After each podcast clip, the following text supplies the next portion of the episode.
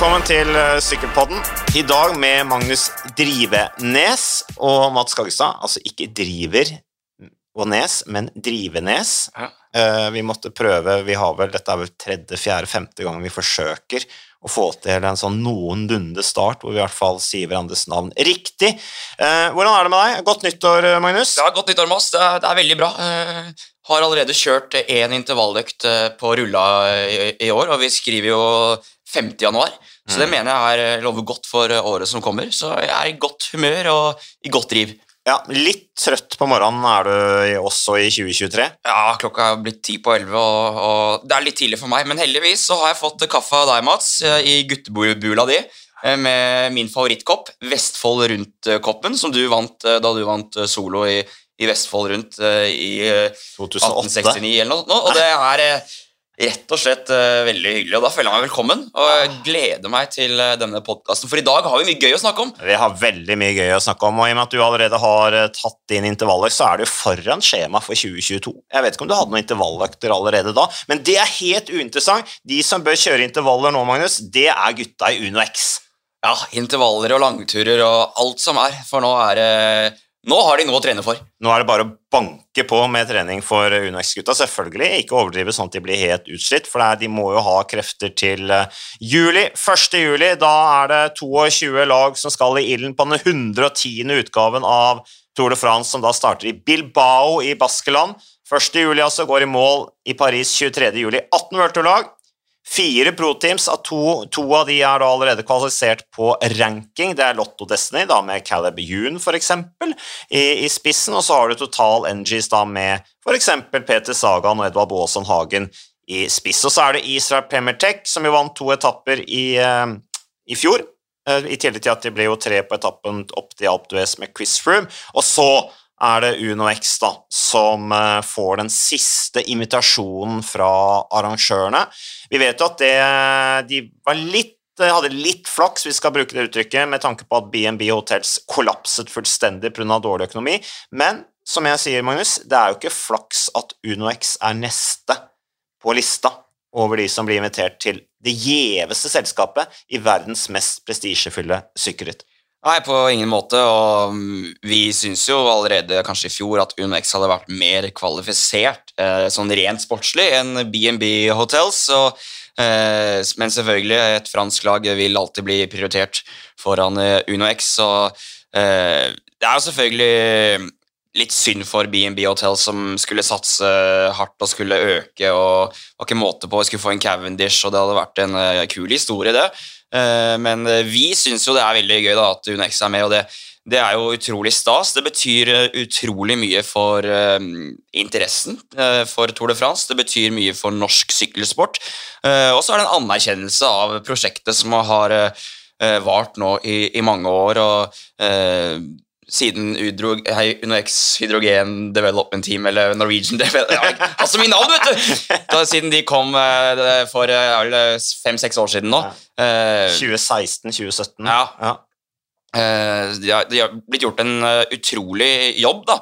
Eh, og nå da med Kristoff inn på laget, Kristoff som skal lede liksom Uno X i, i, Tour de France, det er så stort. Det er en eh, ja, som jeg sier, en anerkjennelse av den jobben som har blitt gjort, og nå er de oppe i det gjeve selskap, og nå er det bare å, å, å bruke den muligheten de har, og vise seg fram. UNEX har vist at de kan eh, eh, forberede seg godt til eh, de store oppgavene de har fått, f.eks. i Catalonia rundt og i kriteriene Dauphiné, hvor de har vist seg veldig bra fram. Og jeg er helt sikker på at eh, de kommer til å, til å komme veldig godt forberedt inn i Tour de France og, og vise seg fram på, på den øverste scenen. Men Tour de France, det er ikke Hvis du ser liksom på hvem som vinner etapper der de siste to-tre åra, liksom, så er ikke mye ikke mye nobodies. som, Nei, hver dag er ja. på en måte en semiklassiker da, på øverste nivå. Ja. Eh, Det er en enorm kamp om etappeseieren, og det er etappeseier som blir målsettingen. Vi skal snakke litt mer om det etterpå, Magnus. Men, men, men eh, i og med at ofte så er det jo sånn at pallen, sammendraget, blir jo satt sånn relativt tidlig. Nå har jo arrangørene tenkt å gjøre noe med det i år ved å ha, lage en løype som er mye mer åpen. De er smarte, de er innovative, de tenker hele tiden hvordan skal de skape mest mulig spenning og underholdning. Jeg syns de er flinke Yaso, altså arrangørene av Tour de France, til å komponere løypene, eh, men det blir en kjempekamp i og med at det er såpass mange lag som skjønner at ja, vi blir ikke topp tre. Eh, og hva er det største da? Jo, det er etappeseier. Eh, og så er det et annet ting også, Magnus. Jeg husker ikke om du nevnte det, men altså med det historiske perspektivet her, da. 1903, første Tour de France, første gang i historien at vi har et norsk sykkelprosjekt som står til, til, på startstreken. Det er enormt. Um, Knut Knutsen var den første nordmannen som stilte i Tour de France på, på 1970-tallet.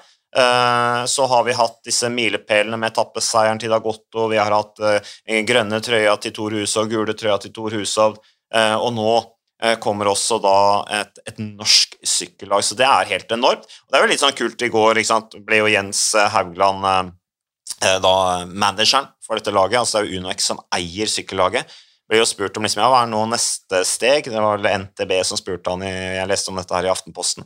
Uh, og da sa han ja, nå er jo neste steg, liksom, når vi har fått etablert oss i Tour de France, det er jo da å skape en Tour de France-vinner. Så det virker jo som eh, de, de drømmer stort. Uh, og de, til nå så har de jo fått til stort sett det, det, har jo gått riktig vei i utviklingen for det sykkellaget. Imponerende.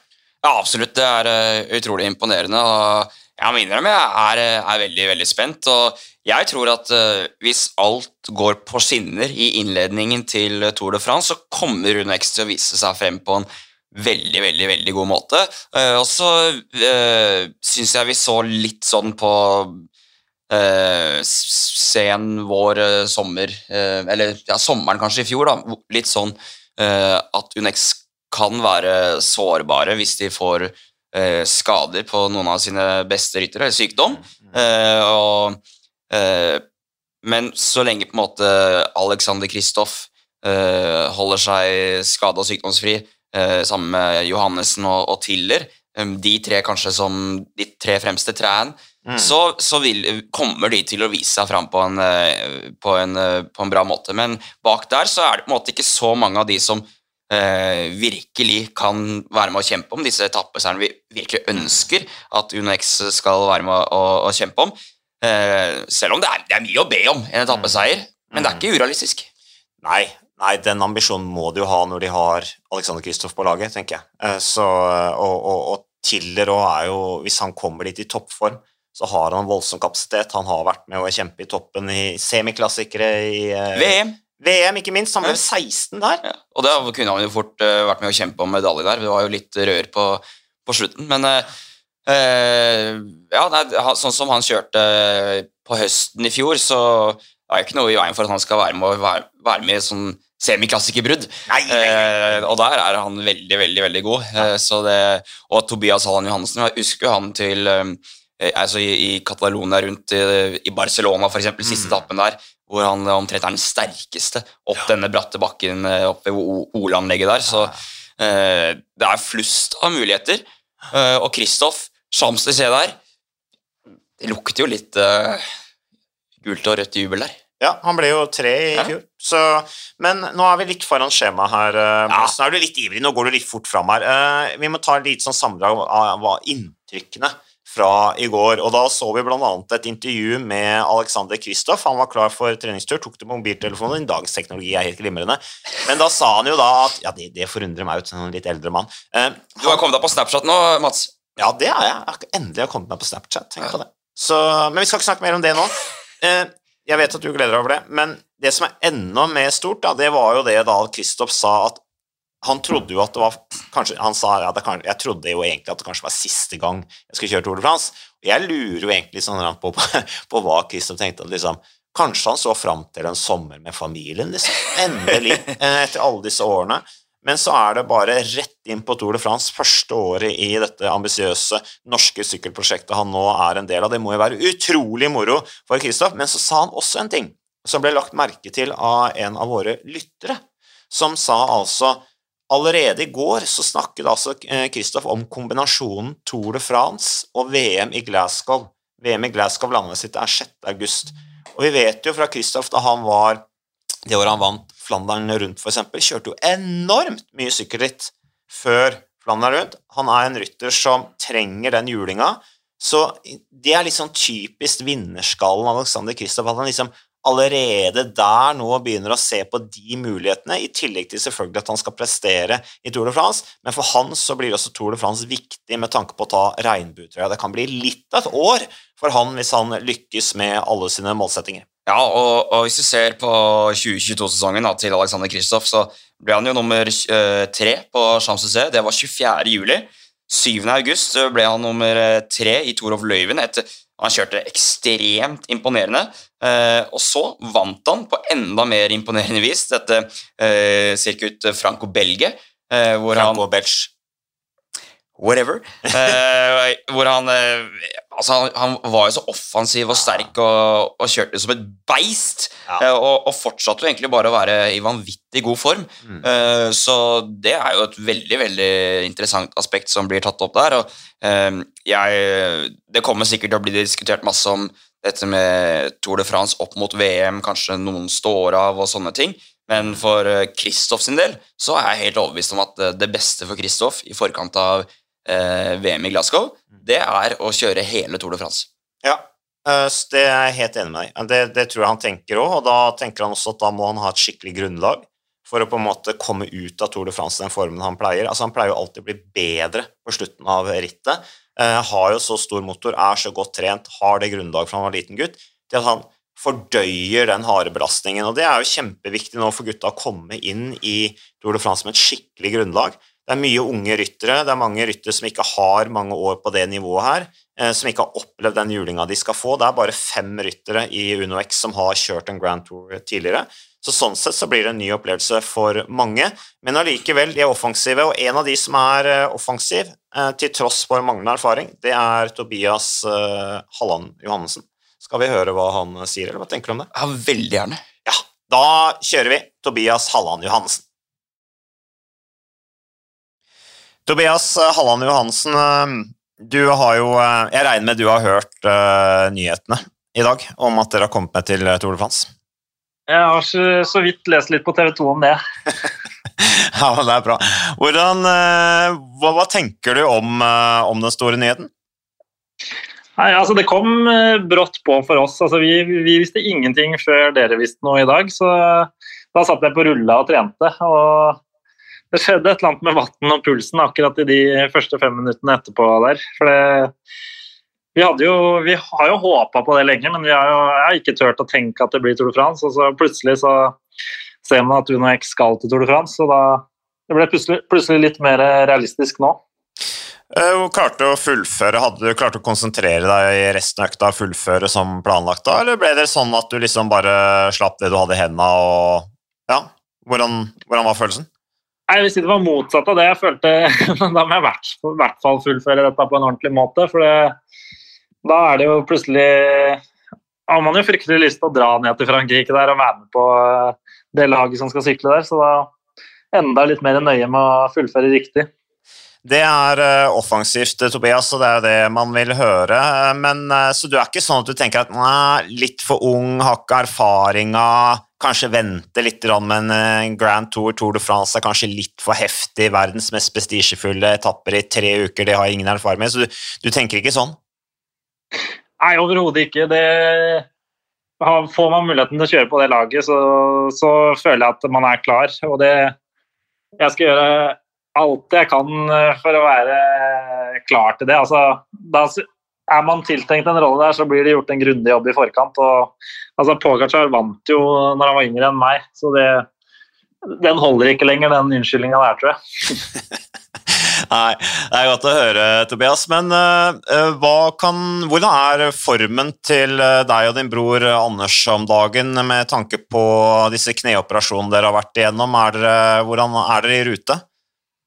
Vi begynner å komme veldig godt i rute. Nå er for første gang Anders helt eh, for fullt tilbake i trening etter litt sånn hjerteproblemer i tillegg til knær. Så vi hadde ja, både en fin samling nede i Spania med UNX før jul, og så tok vi litt uh, og forlenga den litt ekstra på Gran Canaria sammen. Så nå har vi fått trent meget godt over en ganske god periode. Og skal jo snart ned til Spania igjen, så, så nå begynner det virkelig å gli for begge to.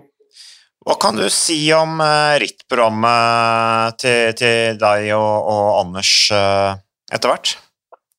Vi starter ganske likt, og så skal vi prøve en liten periode fra hverandre litt midt, midt, på våren der. Og så ender vi nok ganske likt igjen, forhåpentligvis, mot sommeren. Da. Og så kommer jo mye an på om man blir tatt ut til Tour de France eller ikke mot juli der.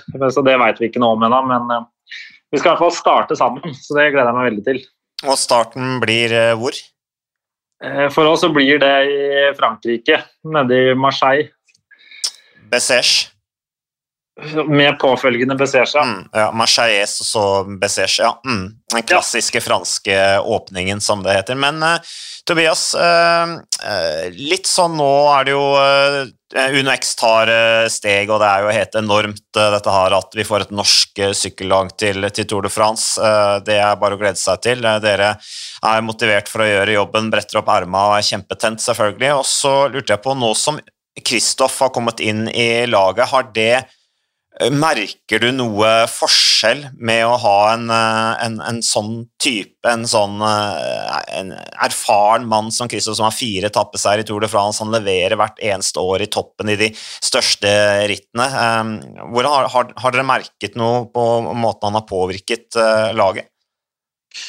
Ja, både og. Man tenker jo kanskje at han skulle vært liksom litt høy på seg sjøl og litt mer tilbakelent. Men han er Altså, han gjør i hvert fall jobben på trening. Så det viser jo Altså, det er en grunn til at han har prestert år for år. Og han ja, ikke, Det var jo litt sånn snakk om at Unex kanskje ble et hvilehjemfall, men det, det, har jeg ikke noe tro på. For han, han, gjør jobben til de grader på trening, i hvert fall. Og et uh, meget godt forbilde der. Uh, samtidig så er han en meget sånn hyggelig og artig fyr. Så det har egentlig bare vært eh, positivt, det. Så, mm, så, er det jo greit å vite at man har en som, som veit hva det går ut på. Og ja, han eh, er en fin fyr å ha på laget, bare. Mm. Det er ikke tilfeldig at han presterer år etter år, så det er helt sikkert inspirerende for dere unggutta å, å se. Men uh, Tobias, uh, tusen takk for uh, prat. Så får du hilse masse til, til, Anders. Og så er det utrolig gøy å høre at dere er inspirert, og at du bare ble enda mer tent til å trene hardt når du fikk nyheten om Tour de France. Og så får vi jo se hvordan det utvikler seg, men da er det bare å ha lykke til videre med treningsarbeidet. Takk for det. Så skal jeg hilse fra bruteren her. takk, takk. Ja, det var uh, Tobias Halland Johansen. Altså, han og Anders Det som slår meg da, med de to gutta der, det er at de er så utrolig De, de er så blide. De er så åpne. De, de, har liksom så glimt i øyet og Ja, de, de byr på seg sjæl, de gutta der, altså. Ja, det, det er uh, virkelig uh, gode gutter. Og uh, ja, det, er, det, var gøy å følge dem i, i, i fjorårets sesong. Og Anders hadde jo en del trøbbel, litt trøbbel også på Tobias, men på sitt beste så er det jo to enorme talenter, ikke sant? Mm.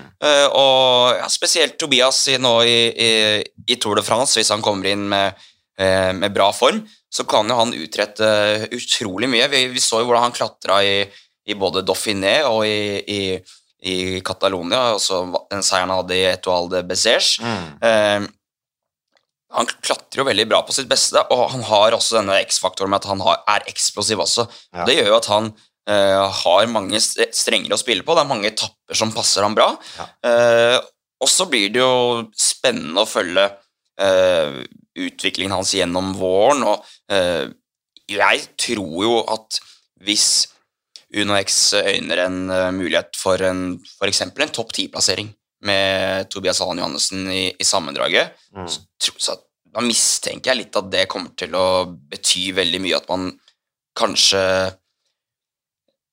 demper det etappefokuset på akkurat uh, Tobias Halen Johansen. Det er jeg litt usikker på. Jeg vet ikke hva du tenker om det. Den diskusjonen skal vi ta etterpå, ja. Magnus. Ja. Uh, for nå er jeg, jeg kjører en veldig sånn streng agenda. Ja, okay, ja. Uh, det er litt ulikt deg. Det, ja, det er nemlig et av nyttårsforsettene mine nå i 2023 er at uh, sykkelpodden skal være mye mer strukturert og regissert. Ok, men... Ja. Det høres aldri vært en strukturert type. jeg vet Nei, nei det, men så, så, nå er du litt sånn Du blir satt i litt sånn tvangstrøye og litt i bånd nå, som den bikkja du er. Eh, men eh, ja, Uh, Tobias Hallen Hansen, sju i Catalonia, ti sammenlagt i kriterium Dauphiné, vant ungdomstrøya der. Blant annet 20, nummer 20 i La Flesh Run. Det er sånn enkelt Så kan liksom tenke at er det et resultat? Ja, det er knalltøft, en knalltøff klassiker midt inne den Ardenner-uka der. Det er en utrolig kamp i, i, feltet for å holde posisjonene. Han kom fint inn i bunnen av Murvi i denne siste stigningen, fikk det kanskje litt opp der, men han, han, han, kan, han, viser allerede at dette, dette fikser han. Den kampen i feltet osv., det, det tar han veldig bra. Um, det er ganske kult det han sier om, uh, om eh, Alexander Kristoff der. Uh, det at han er imponert over hva denne gamle høvdingen som han er blitt, gjør på, på trening og det arbeidet. Han har opplevd en inspirasjon. Alexander Kristoff, så han er jo blitt en litt sånn Han er jo opplagt allerede en spydspiss i laget. Ja, det, det er naturlig, og det er nok det de har håpet på at han skal være. Én ting er jo at Kristoff fortsatt har et vanvittig nivå og fortsatt er i stand til å eh, kjøre inn toppresultater i de aller tøffeste rittene, men eh, den eh, kulturen Kristoff har representert i, i, alle år, den tar han nå med seg inn i UNX til disse sultne unggutta. Mm. Det tror jeg er utrolig viktig. Og timingen nå med Kristoff eh, inn på laget, Kristoff som setter litt standard på treningssamlingen, samtidig mm. som de får en sånn nyhet om at eh, vi har fått plass i Tour de France. Uh, Unex er virkelig i ferd med å etablere seg som et, uh, et opplag. Det, det, er, det, er, gull det, mm. for, for det laget og, og, veien videre. Og er det en som er i stand til å kjøre inn resultater til de neste tre årene, fram til han er 39, er ikke det han blir om tre år? Han blir vel 36 nå i, i juli. Hvis Valverde kan, så må jo Kristoff kunne. Ja, ja, ja, Uten sammenligning, for øvrig. Men, eh, men, eh, men, jeg er helt enig med deg. Og, og, og, det er jo de som liksom sier at ja, ok, Alexander Kristoff skal melke de siste årene med, med god lønn i et norsk sykkellag. Men, men, jeg tror ikke Kristoff kommer der for å få en gratis reise. Altså. Jeg tror han kommer dit og, og føler på det ansvaret han har også, nettopp fordi at han er en del av et ambisiøst prosjekt hvor han får en veldig stor rolle. Eh, og jeg tror han blir inspirert av å være i det miljøet hvor han er med også på en måte og, uh, og skaper noe nytt. da. Uh, og det må jo være en drøm, tenker jeg, for en rytter av hans kaliber med den lange karriera, den merittlista, kunne avslutte karrieren på et norsk lag, og så få det midt egentlig i fleisen at de er rett inn i Tour de France, og han får kjøre alle klassikerne det må jo være helt optimalt, tenker jeg, også for motivasjonen og, og hente fram det siste lille av energi også til å tyne maks ut av karrieren. Ja, jeg er helt enig, og det, det, det gleder jeg meg til å, til å se. Jeg, jeg tror Kristoff eh, eh, kommer til å bety utrolig mye for UNX, eh, både med tanke på kultur, men også at han er, er en sånn type rytter vi kanskje har, har savna litt. at Sånn eh, spesielt eh, i fjorårets sesong, eh, i, i spurtene, så har vi mangla en soleklar ener i, i, i spurtene, og at i mange ritt så har kanskje Rasmus Tilly blitt litt ensom på slutten av disse klassikerne. Og så vet vi at Søren Wærenskiold er på vei opp og fram, og flere av disse unge gutta blir, blir bedre. og Det kommer bare til å bli et saftig mannskap de neste årene. Mm. Ja, det blir veldig spennende. Eh, så det var kult å snakke med Tobias Alen Hansen. Anders, eh, broren hans, eh, tvillingbroren, var jo i bakgrunnen der. Så det er veldig gøy at de er skadefrie, ikke minst. Vi var jo litt nervøse for det i, i, blant det kollegiale miljøet i TV 2. Sittet og tenkt mye på knærne til Halland Johansen-gutta, og så fikk jo Anders dette hjertet problemet også på slutten av sesongen. Eh, men de gutta der de er supertalenter fremdeles, så vi håper at de får en bra, bra vinter. Men så har vi kommet til den delen som jeg kaller for del tre, Magnus. Okay. Uh, og nå begynner det å bli veldig seriøst uh, i sykkelpodden her. Fordi at jeg i går kveld så tenkte jeg at for å Jeg har da et nyttårsforsett i 2023 at jeg skal invitere lytterne mer med eh, engasjere de mer i våre sendinger. Ja. Tidligere har jeg vært litt sånn jeg, jeg, blåser i hva lytterne vil høre om. Dette her skal være minst mulig tabloid, og jeg skal snakke om akkurat det jeg har lyst til å snakke om. Og det har jo vært ofte veldig sånn sære nyheter som aldri kommer på, på trykk i norske medier. Eh, men nå har jeg altså invitert de med, og da stilte jeg spørsmålet hvem, kjære lytter, ville du tatt med? Til, eller hvordan ville du komponert Uno X-laget i da årets Tour de France? Og så stilte jeg spørsmål hva tror dere er, er mulig å oppnå for laget. Og det kom fort veldig mange, mange eh, forslag til lag. Det første kom fra Morten Olsen Dallag, ivrig eh, til å følge med på sykkel Dallag. Han skriver bare enkelt og greit 'håper på Søren Wernskjold', fordi han er jo nede fra Mandal der, helt sikkert, da, Dallag. Eh, Øystein Fure setter opp et litt mer helhetlig lag. Kristoff, Tiller, Ressell, Skårseth, Sjarmig, Træn og begge Johannessen da skal vi se, da har vi altså bare 1, 2, 3, 4, 5, 6, 7, 8. Ja, så det blir åtte ryttere. Simen Amundsen, Åmundsen, mener jeg. Tiller, Tobias Johannessen, Sjarmig, uh, Kristoff, Træn, Skårseth, Wærenskiold og Normann Hansen. Bra, det der. Uh, Sven Erik Torp, Kristoff, Tobias og Anders Halland Johansen. Træn, Blikra, Tiller, Wærenskiold. Christer Hagen skriver Kristoff, Skårseth, Tiller, Johannessen ganger to. Sjarmig, Gregor og Træn. Og så skriver han PS. Eg og Nordmann Hansen er også aktuelle. Ja, det er jo kjempehjelp for UnoX, tenker jeg. Ledelsen i UnoX som kommer her nå. Uh, Tor Øyvind Hagen, ivrig han også. Uh, de kan ikke hevde seg i sammendraget, så de bør sende et klassikerlag.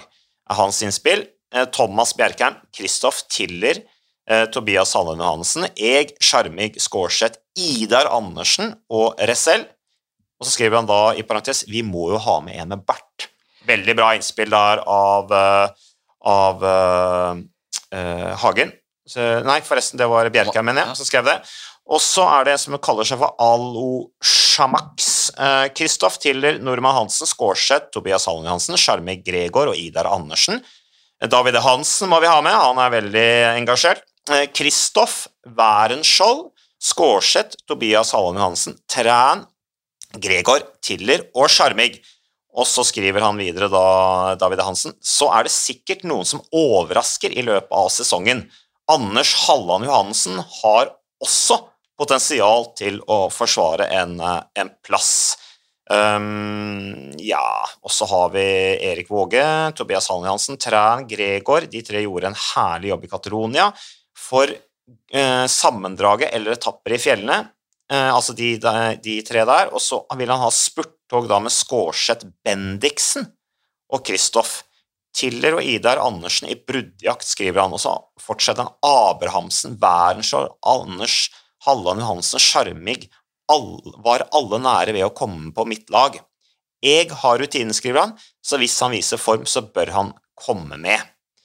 Eh, ja, det har kommet masse her, men jeg tror ikke jeg kan ta alle. Det blir liksom for mye oppramsing. Men hva tenker du om innspillene her fra våre kjære lyttere? Uh, det er veldig mye bra innspill. Uh, mm. Det syns jeg. Uh, jeg. jeg. tror jeg og David E. Hansen hadde akkurat samme liste. Mm. og i mine øyne så er det seks ryttere som per nå er ganske bankers. Mm. og for meg så er det, Mats, hold deg fast, ja. Eller det kommer ikke noen overraskelse her, altså. Nei, nå er jeg spent. Ja. Alexander Kristoff. Hva?! nei, han var reserve. Nei, nei, ja, nei. Eh, ja. Eh, Alex, nå ble det litt ustrukturert der. Ja, det ble det. Beklager. Jeg vil ha struktur. Ja, ikke må klippe det vekk. Ja. Uh, Alexander Kristoff, Tobias Hane Johannessen, Rasmus Tiller, Torstein Træen, Anders Skårseth og Jonas Gregor. For meg er det en stamme på seks ryttere som alle eh, under normale omstendigheter eh, skal være ganske bankers i dette laget. Eh, allerede der så er jo det et eh, ganske balansert eh, lag, med Kristoff selvfølgelig som spydspiss eh, og spurter, Halland Johannessen med sine kvaliteter, Rasmus Tiller med sine kvaliteter kan også hjelpe Kristoff i finaler osv. Anders Skårseth som en sånn road captain, er jo så bunnsolid. Mm. Han må være med på det laget, det er jeg helt overbevist om. Ja. Torstein Træen på sitt beste kan jo vinne fjelletapper, kan eh, hjelpe i fjellene hvis det trengs. Og, mm. Sånn som han kjørte i Crow Race, blant annet, så, og i, i, Malaysia så er jo han eh, selvskreven. Og, så er Jonas Gregor også en rytter som er utrolig viktig i Uno X-laget for eh, bl.a. Eh, Tobias Halen Johannessen. Mm. Eh, en rytter med erfaring, med bra kjørestyrke, en, eh, en trygg mann å ha på laget. Ja. Eh, så, så, de seks mener jeg er ganske sikre per dags dato. Og så er det litt mer åpent om de to siste plassene. Eh, og der tenker jeg altså mye handler om eh, hvordan Kristoff eh, viser form inn mot Tour de France, hvordan Halland Johannessen vi, eh, viser form inn mot eh, Tour de France, hvordan UNX har lyst til å komponere laget. Mm. Eh, og selvfølgelig også hvilke ryttere som, som viser form. Men de to jeg har landa på på de siste plassene per nå, ja. det er Anton Sjarmig og, og Søren Wernskjold. Eh, det er dristig med Søren Wernskjold. Ja, litt dristig, selvfølgelig. Ja. Han har ikke så mye erfaring med disse lange etapperittene, selvfølgelig. Eh, men eh, vi vet jo hva han er god for. Vi vet eh, hvordan han kan fungere for Alexander Kristoff. Eh, vi vet hvor kjøresterk han er, hvor talentfull han er. Mm. Og, men for at han skal være med, så må han ha en, en knirkefri start på sesongen. og eh, bli matcha litt skikkelig. Eh, så han er jo et litt sånn usikkert kort, men han er da inn mot Kristoff. Ja, han har vel ingen særlig erfaring på World Tour-nivå. Han har kjørt Paris-Roubais og Flandern rundt, men han fullførte jo ikke de rittene. han har ikke fullført noe på World Tour-nivå, så vidt jeg vet, Søren Wernskjold. Så det er klart dette her blir et hakk opp, men jeg har også Wernskjold på det laget som, eh, som, jeg har satt opp. Og jeg tenker at det er litt dristig. Det er ikke sikkert det er planen til Uno X at han skal kjøre, det er ikke sikkert det er planen hans heller. Men jeg tenker, det er som du sier, Magnus, han er så talentfull. Han har så stort potensial. Og så er det en annen ting, og han kom inn i årets, altså inn i fjorårets sesong, da, 2022-sesongen, hvor han tross alt ble U23-verdensmester og tre på landeveisrittet. Um, så kom han jo egentlig inn ganske på hæla med mye sykdom og trøbbel i, i, grunntreningsperioden, som han ikke fikk fullført på en skikkelig måte. Så hvis han nå kommer uh, inn i 2023-sesongen med et bra grunnlag, holder seg sykdomsfri og skadefri, og, og, får en mye bedre vårsesong enn det han hadde, uh, får litt mer erfaring på det nivået det, det, er en fyr som kan overraske stort, da.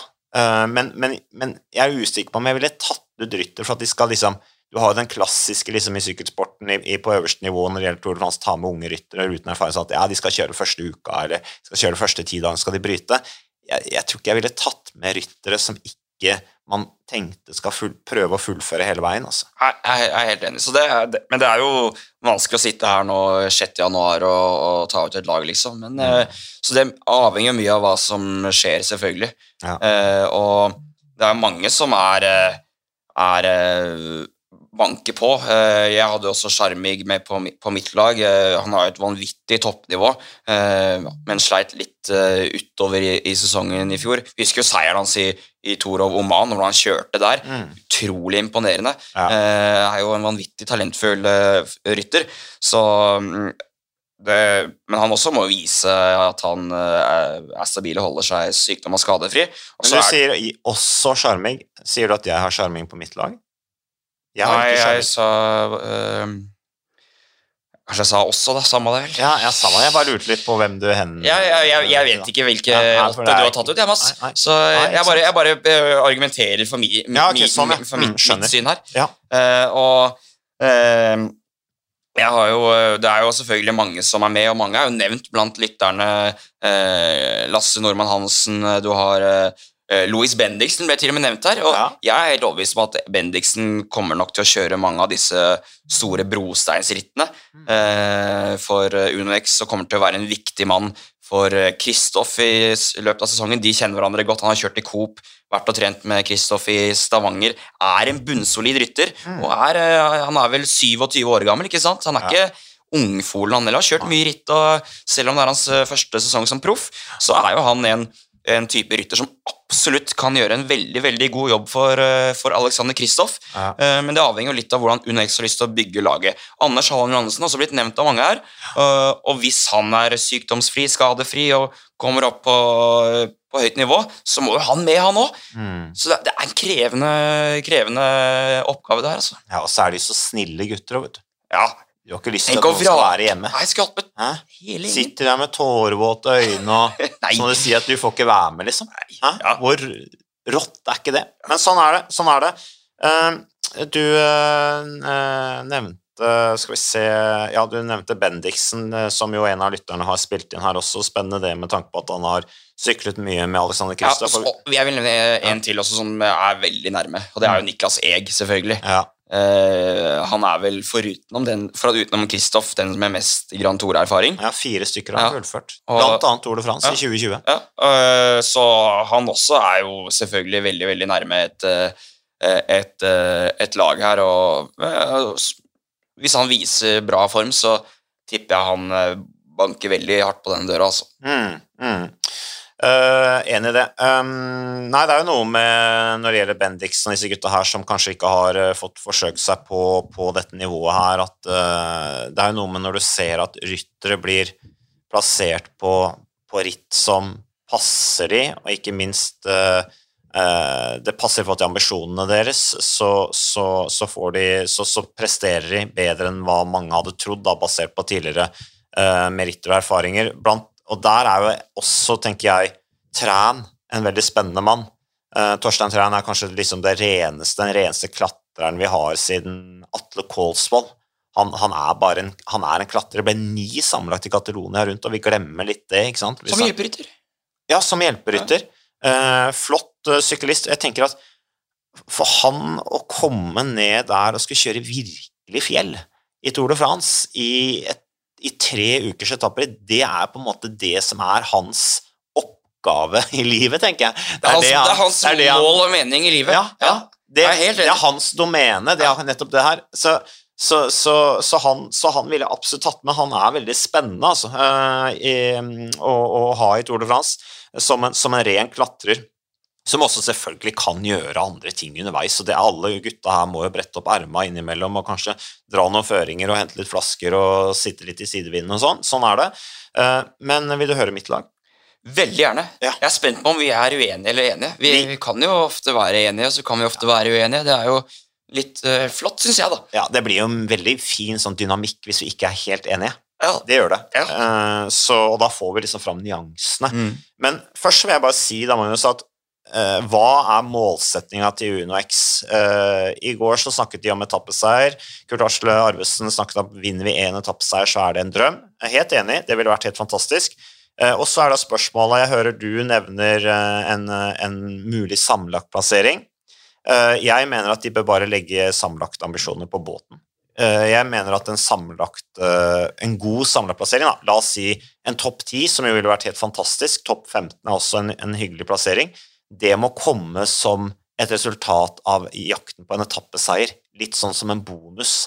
Jeg ville ikke stilt i Tour de France med målsetting om å få en god sammenlagtplassering. Eh, Jeg mener at alle der bør stille til start for å kjøre for etapper, og får de med seg en god sammenlagtplassering i tillegg, så er det en flott eh, bonus som de eventuelt kan forsvare på slutten av rittet.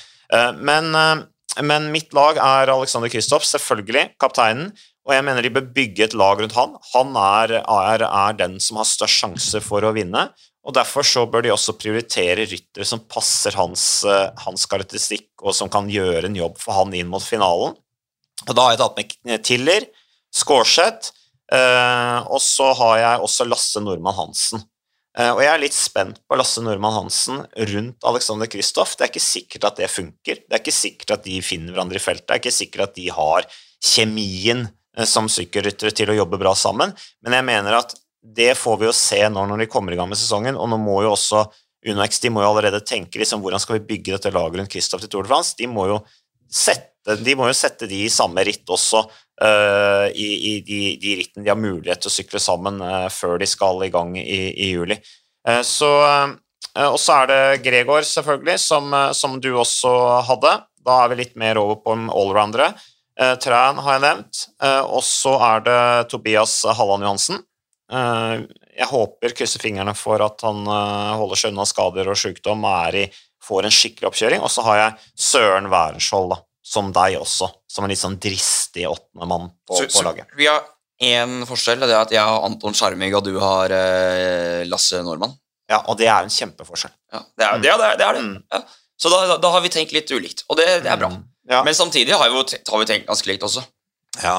Ja. Ja, men vi har, altså Sjarming er vel ikke en mann som kan bidra all verdens for Alexander Kristoff. Og jeg tenker er at ikke, er jo- hovedvekten, hovedvekten av satsinga bør handle om Alexander Kristoff. Ja, men da er jo også litt eh, når, det, gjelder liksom å bygge et lag rundt uh, Alexander Kristoff, så uh, på en måte nedsiden med det er jo at hvis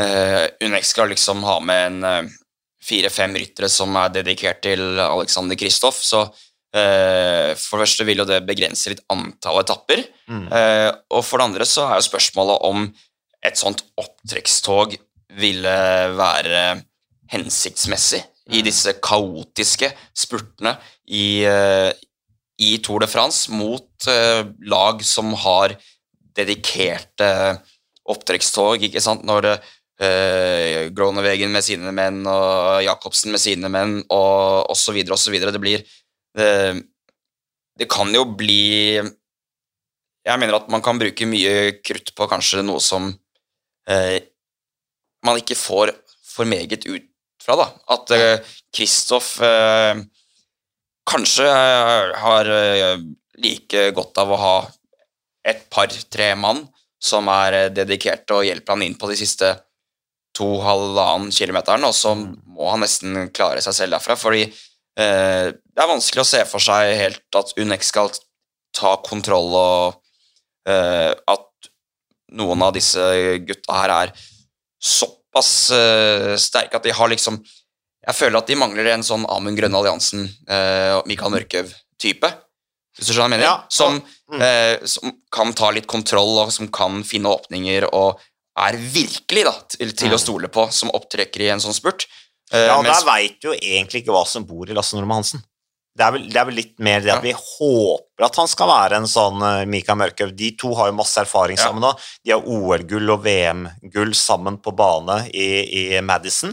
Eh, så spørsmålet er jo om han har den kapasiteten. Det vet vi ikke, og det er det som blir så spennende. Du kan tenke Han har den kapasiteten, men det er ikke sikkert han har den kapasiteten sammen med Kristoff heller, og at han kjører på en måte som Kristoff ønsker at han skal kjøre. fordi at Paulini var jo ikke noe sånn klassisk oppdekker han heller, men han og Kristoff sammen Mm. var jo helt fantastiske, og Kristoff må på en måte ha sin type opptrekk som er litt sånne lange, seige opptrekk hvor det går litt fortere og fortere og fortere. Um, litt mindre sånn eksplosive småakselerasjoner som kan være trøblete for han, som er litt mer sånn diesel inn i spurten. Uh, og da er jo spørsmålet liksom hvordan de kan bygge da en, tre, en stamme på tre-fire mann som kan komme inn siste halvannen kilometeren og, og, og dra han i posisjon, da.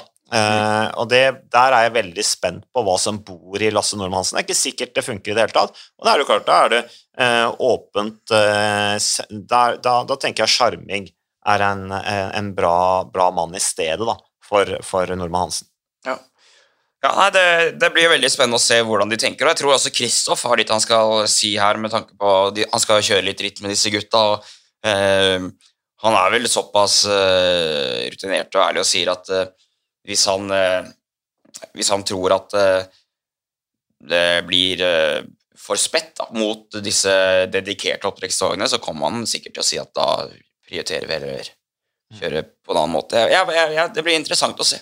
Mm. Eh, og så men jeg bare, jeg bare mener at hvis de skal bygge et, måte, et helt lag rundt Kristoff, foruten om liksom eh, Træn og Halland Johannessen og, og eh, Gregor, liksom, Mm. så, så må det være såpass høyt nivå på det, kall det toget, eller de rytterne rundt Kristoff, at de får noe ut av det, Mm. kontra å ta med noen som kan eh, være med og sette det farge på mer kuperte etapper og gå i brudd og eh, være med å kjempe på den måten. Men uh, i den gruppa der, da, altså Tiller, han, han, kan, Han er- han, han, kan, han kan kjøre for egne sjanser på etapper der hvor eventuelt Kristoff ikke, ikke lykkes. Absolutt. Uh, og hvis han også kommer inn i Tour de France i toppform, så har han så stor motor at han, han går ganske bra i det kuperte terrenget. Ja, ja. Uh, så, så det er en spennende mann. Sånn sett har han veldig god spurt også. Um, uh, Skårseth er jo litt mer sånn typisk eh, hjelperytter. Eh, det blir spennende. Men ja. eh, husk, han ble nummer to på en etappe i Kriterium Dauphiné. Var nære på å vinne Ja, der, ikke sant? ja, han er, han er bruddrytter. Ja, han sant? kan også gå i brudd. Han er utrolig anvendelig. Mm. Anders Kårseth, altså. Det er, eh, han mener jeg omtrent er den første som blir tatt ut på det Tour de France-laget. Ja, ja. For å si det litt flåsete, selvfølgelig tar man ut Kristoff, men Ja. Skårseth skal til Tour de France. Ja, det ja. mener jeg Helt enig. ja. Eh, han uh, kjørte bra i Paris-Roubais. Ja, og kom ja, ja, veldig ja, ja. fint gjennom det. Han ble 25 eller et eller annet som, er, som viser at han kom fint gjennom. Eh, og det, da, da, da tåler han en tøff kamp, så det er det som er fint med Skårseth. Du kan bruke han eh, i spurtene rundt Alexander Kristoff, og så kan han få fri rolle og gå i brudd på de etappene som, som, som, eh, som passer ham, blant, som vi så i Criterion Dauphiné, og det var en ganske kupert etappe, eh, så han går også bra i, i, i litt forskjellig eh, terreng. Han som vant der, det var han eh, franskmannen i, i Total Energies som vant den etappen, han eh, Pac-Man. Um, husker Nei, du? det var ikke William Maas som vant etappen, var det det? Jo, det var Willem Moss som vant den etappen Nei. til uh, Skårseth, mener jeg. Var det det? Ja, mener det. Så Eh. tok, jo, tok jo trøya òg, gjorde han ikke? det, Uh, Willem Moss. Jo, men Var det på den etappen, da? Ja, jeg tror det var det, altså. Kan jo hende at jeg er eh, Det er ikke alltid jeg husker så bra, vet du. Nei, men uh, Det jo, men det er jo det som er fint med det, at det er mulig å sjekke. Jo, det var Willem Moss som det vant det, den etappen. Ja, det var det, Så, ja. uh, Ja, det var bra du huska det. Pac-Man, ja. Ja. Backman, vet du. Ja. Uh, men uh, Ja, da husker jeg skreik til TV-en. Det var, det var stort, det. Nei, for jeg har liksom tenkt ok, skal du bare bygge altså hvem, hvem av disse rytterne i UnoX er det som har potensial i et topptrekkstog? Det er jo et utskrevet blad, egentlig, eh, rundt Kristoff. Eh, Men sånn som Niklas Larsen har jo også på papiret kanskje evner i et eh. Problemet til Larsen er at han, han mangler jo litt eh, utholdenhet eh, og, og, og grunnlag etter å ha vært eh, satt ut med en veldig sånn stygg hjernerystelse han pådro seg i, i Danmark rundt det var vel i, for to år siden. Så, så han er på vei tilbake. Han kjørte jo for øvrig også VM med, i, i Madison sammen med, med Mika Mørkøp, så, så det er liksom noe med disse banegutta fra Danmark som kanskje har det der litt i seg, da, at de kan lose eh, og holde en, en, en høy hastighet eh, inne på, på oppløpet når det virkelig går hardt for seg eh, i, i massespurtene. En som ikke er, eh, er nevnt hittil i podden, eh, det er jo Kristoffer Halvorsen. Ja. Eh, og han fikk jo en ganske tøff fjorårssesong. Mm. Eh, hadde vel en, andreplass for en tappe i Bouclé de Mayenne. Men altså, vi skal ikke lenger tilbake enn for snaue to år siden, hvor han var nærmest Jasper Philipsen og Mark Cavendish i Tyrkia rundt. Og Vi husker hvem som var best i spurtene i Tour de France i, i 2021. Mm. Det var jo Jasper Philipsen og Mark Cavendish, bare et par måneder etter at de kriga mot Kristoffer Halvorsen i, i, i Tyrkia rundt der. Så, eh, men han er, per dags dato er jo han ikke eh, aktuell, sånn som vi ser det. Vi er ikke på innsiden, vi er på utsiden. Ja. Men eh, altså Kristoffer Halvorsen tilbake i godt, gammelt slag, sånn som vi vet han kan være, er jo også en sånn interessant mann. Men selvfølgelig, når man har da, da har Kristoff på laget, så eh, blir jo kanskje veien litt lenger for, eh, for Halvorsen. Og med det grunnlaget han har fra fjorårets sesong, så vil jo det være litt eh, vanskelig, kanskje. Men jeg føler han må nevnes, fordi vi Mm. vet hva han er god for. Ja. Talentet er der jo, Ja. uh, uten tvil. Så vi har vært en veldig spennende mann. Jeg er litt usikker på Halvorsen i en opptrekkssituasjon. Ja, det- Jeg tror ikke han vil fungere så veldig bra der. Altså, hvis Halvorsen hadde vært i kjempeform eh, i, i, i de rittene som kommer nå inn mot sommeren Kristoff kanskje ikke i så bra form, men Kristoff er såpass ydmyk at han sier jo at eh, ja, jeg får jo se om jeg får en plass på laget. men det er klart at det talentet til Halvorsen, det er klart det, det skulle vi gjerne sett blomstre enda mer også på det nivået her, så vi får jo krysse fingrene da, for at han eh, kommer sterkt tilbake i, eh, i, i 2023. Ellers så skriver uh, eh, det er noen refleksjoner her fra lytterne våre. Uh, Erik Våge skriver videre. Hvordan påvirker Tour de France-deltakelse i UnoX da jakten på større norske og danske navn som Tobias Foss, spørsmålstegn, og så skriver han også Markus Holgaard sin kontrakt er vel over på slutten av året. Um, ja, jeg vil jo tro, uh, Magnus, at uh, de, de ønsker å hente gode norske ryttere. Um, bygge på den stammen de har, men, uh, men uh, navn som Tobias Foss han tror jeg ville passet veldig bra i UnoX. Han tror jeg de er veldig glad i der også. Så er det en som ikke nevnes her, Erik Våge. Det er jo Andreas Leknessund. Som vi jo spilte inn forrige podkast sammen med. Ja, jeg, det, og Han tror jeg er veldig interessert i. Ja, jeg tror eh, Jeg er helt sikker på at eh, Jens Haugland sikler på, eh, på de gutta, og Jonas Iversby Widerberg har vel så vidt jeg vet også bare toårskontrakt, har han ikke det? Mm. Eh, så eh, det, hvis jeg nå ikke sier feil, og det har jeg gjort før, så er vel da både Foss, Leknesund og Widerberg eh, da uten kontrakt i 2024. Mm. Uh, og det jeg har tenkt litt sånn eksempel rundt uh, ja, både Andreas Leknesund og Tobias Foss spesielt, da, det er jo det at eh, hvis UnoX eh, nå blir etablert som et lag som får kjøre Tour de France, og at UnoX fortsetter å vokse, så mener jeg at UnoX Uno er et godt alternativ for eh, både Leknesund og Tobias Foss. Nå er jo Mm. Tobias Foss på verdens beste sykkellag. Ja. Det er han. Eh, og eh, det utstyret de har på tempo, f.eks., virker å være helt suverent. Mm. Opplegget Jumbo Visma virker utrolig seriøst og utrolig bra. og Det må, det må det jo være med tanke på sånn som de kjører. Ja, Men det er jo utrolig mange kokker der også. ja, ja. Og, eh, og jeg tror også at det er noe med, med det å, å komme til et trygt miljø og sånn, selv om jeg er helt sikker på at både Foss og Leknesund har det trygt og godt der de er nå. Mm. Så eh, jeg skal ikke sitte og ta noen avgjørelse for dem, men jeg, eh, hvis UnoX blir etablert som et Tour de France-lag, så er det kjempepositivt med tanke på å hente større eh, norske stjerner. Så det, så det var et godt spørsmål fra Erik Våge. Så er jeg jo litt, er jeg litt spent på hvilke refleksjoner Foss og Leknesund gjør seg rundt eh, det å komme hjem til UnoX. Det hadde vært kult for UnoX, det hadde vært eh, gøy. Eh, Men Leknesund hadde jo en strålende 2022-sesong i Team DSM. Ja. Tobias Foss blir verdensmester i, i Jumbo Visma, og han har en niendeplass fra Giro d'Italia fra, fra 2021 i Jumbo Visma, så det er ikke gitt at det er noe bedre å dra hjem.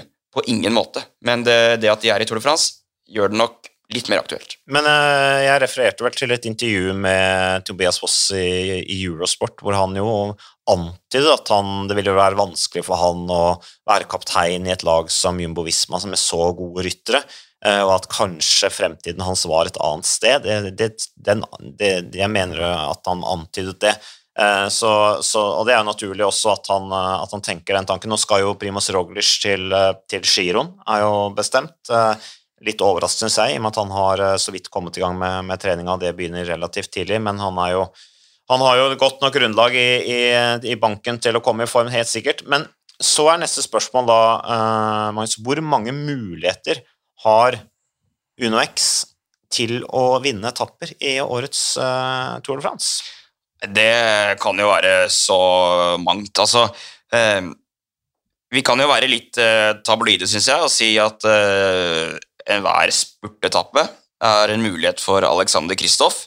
Eh, jeg syns vi så litt konturene av det i, i eh, Tour de France 2022, at disse aller raskeste eh, spurtetappene tidlig i toren, hvor det er mange om beinet, der var ikke Kristoff god nok i posisjonskampen, rett og slett. Nei, Bortsett fra i 2020, da. Bortsett fra 2020. Ja, han vant første etappe. Men nå, nå sa jeg 2022. Ja, det Ja, gjorde du. Helt riktig. Helt riktig. Så eh, eh, Sjanse på etappeseier der som spurt Det er ikke bingo, men det er, det er, du skal ha litt flyt også. Mm. Eh, så jeg syns vi kan være litt frampå og si at det er mulighet for, mulighet for etappeseiere, men eh, eh, det, er, det er utrolig vanskelig å si, fordi jeg, jeg sitter jo og ser på disse løypeprofilene her, og for meg så er det jo eh, på hver etappe et eller annet scenario Mm. hvor eh, det er en UnoX-rytter som er fremme og kjemper. Ja, det er jeg helt enig i. Eh, er, du er du ikke enig i det? Jo, jeg ser jeg, jeg, på jeg, sier ikke ja. at UnoX har seiersmuligheter på alle etapper, men har de med seg et allsidig lag, så vil det jo være eh, det, Man må se an dynamikken i rittet og med tanke på brudd sammenlagt og alt det der, men uh, Tobias Johannessen, Torstein Træn, Mm. uh, Jonas Gregor for eksempel, alle er gode nok til å gå i disse bruddene, og, og da kan jo alt skje. Mm. På disse mellomharde etappene så har man Rasmus Tiller. Da kan alt skje. Ja. uh, Kristoff eh, i spurtene, alt kan jo skje. Mm. Uh, jeg sier ikke at de kommer til å vinne. Jeg, mest sannsynlig så er det ikke sikkert de vinner en etappe i det hele tatt. Men eh, jeg, bare, jeg bare ser på profilene og tenker drømme. at det er mulig. Ja, alt, alt er mulig. Ja. Det er, det er eh, Og de må prøve. Ja, og det, og det er, Det som, jeg, og det er, som jeg sier altså er, Årets Tour de France er veldig åpent. Du har en del uh, spurtetapper som er, kommer til å strekke feltet ganske mye, blant det er nok bakker til at det blir litt tøft for de reine spurterne. Og så har du en del fjelletapper uh, som er ganske gunstige for bruddryttere, og som blir vanskelig å kontrollere, men som ikke er noe sånn typisk sånn klassisk rein klatreritt, da, eh, selv om det er lange fjell. Så, så her er det mye Her er det mange muligheter for allroundere. Og bare så helt sånn grovt sett, da, så er jo rittet er jo 3404 km langt. Så går jo gjennom da, starter jo i, i Baskeland i Spania og skal inn i Frankrike. Seks regioner, 23 departementer. Fem fjellkjeder skal de i Frankrike. Pyreneene, Massif Sentral, Vogesene. Alpene også avslutter de med, med Jura. De skal bl.a. opp Markstein, hvor de kjørte kvinnenes Tour de France i fjor. Det er fem, fem fjelltoppavslutninger i fire ulike fjellmassiv, og så er det 30 kategoriserte stigninger fra andre kategori, første og høykategori. Så det er det altså fra andre, første og høy. Da tar jeg ikke med fjerde og tredje kategori. 30 kategoriserte, altså fra andre eh, og opp til høykategori. Så det er ganske mye. Det er rekord i antall stigninger med en slik vanskelighetsgrad. Så det kommer til å gå mye opp og ned, mye tunge bakker. Eh, Toren er eh, uten mange av de mest historiske fjellene. Tormalé er det mest kjente, og historisk av de de skal over. Det blir jo tidlig i rittet når de er inne i Pyreneene første uka. Og så skal de over Grand Colombier, de skal opp Col de la Lås, som, eh, som omtales som liksom fremtidens fjell i Tour de France. Det er Col de la Lås som også er det høyeste punktet i årets ritt, da, som da har denne suvenir Henri de Grange, hvor det gis doble bakkepoeng for rytteren over toppen og en god slump penger også. Så er det cirka, sånn cirka grovt regna åtte fjelletapper, åtte flate etapper, fire kuperte etapper og da en tempo. Eh, Så eh, ja, det var et lite sammendrag. Spurtetappene så har jeg da satt opp tredje, fjerde, sjuende, åttende, tiende, ellevte, 18., 19. og 21, uten å ha sett veldig nøye på avslutningen, da. Så den, der må det helt sikkert eh, nyanseres litt. Og så er det jo bare 16 eh, Ja, etappe 16 er tempo. Den er jo bare 22 km lang, som altså er det nest laveste antallet i individuelle tempokilometer. Og det er en hard tempo. Ja, den har tempo. Eh, De skal jo eh, opp denne Cotte Domancy, som ble brukt etter knallharde VM i Var det 1980, tror jeg, da Bernhard Hinault vant? Eh, Ser på meg? det var, jeg, tror det var, jeg tror det var 15 ryttere som fullførte noe, ja. Det året der i VM. Jeg omtales jo som det hardeste i Salanches der. Det hardeste landeveis-VM noensinne. De var jo forbi der også i, i, i fjorårets eh, Tour de France. Så, så det eh, Da fikk vi et lite sammendrag på det. Det er for øvrig 70-årsjubileum for den grønne trøya i år. Første gang var i 1953. Er grønn trøye noe man bør satse på? Valf van Nei. Sier du at han ikke skal satse på grønn trøye i år. Nei, Grønn trøye er ikke noe å satse på. Det er ikke det, nei? Nei, du mener det?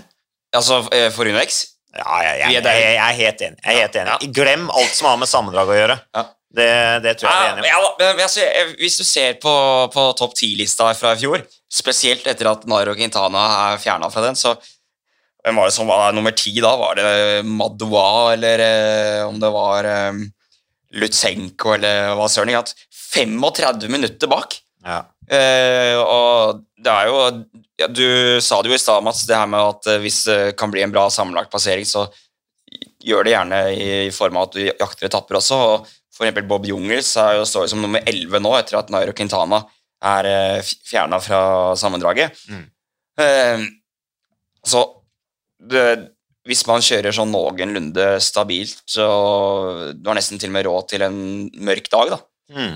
og Tobias Hahn Johannessen er på sitt beste. Og la oss si at sammenlagtkampen er relativt lik i årets Tour de France som i fjorårets Tour de France. Mm. Så altså sånn topp ti-plassering, det er jo ikke urealistisk i det hele tatt. Nei.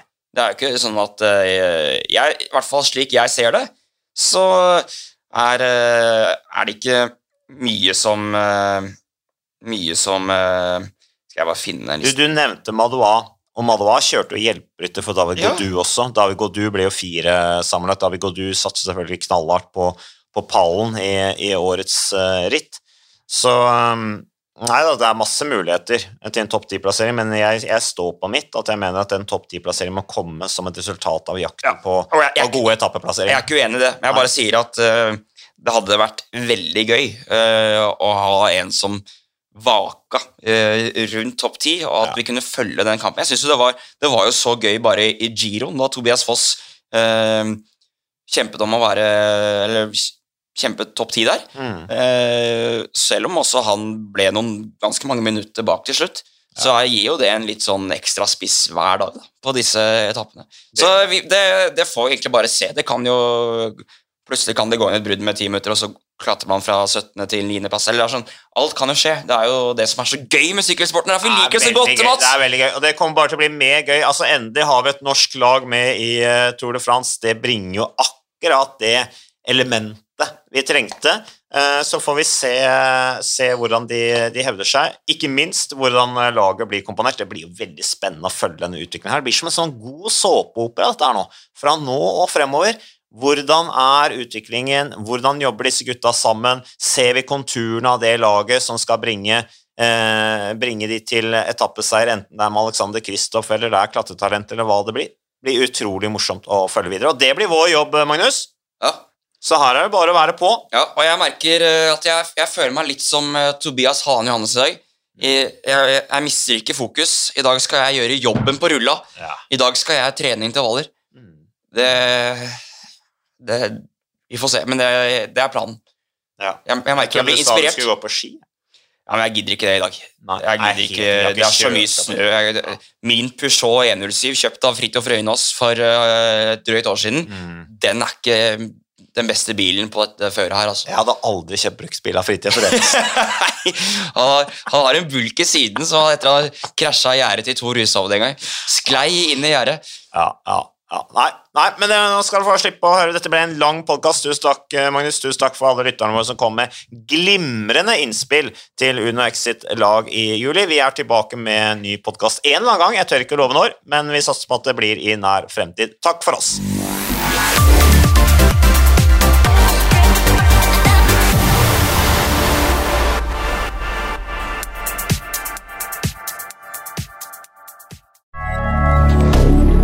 Moderne media.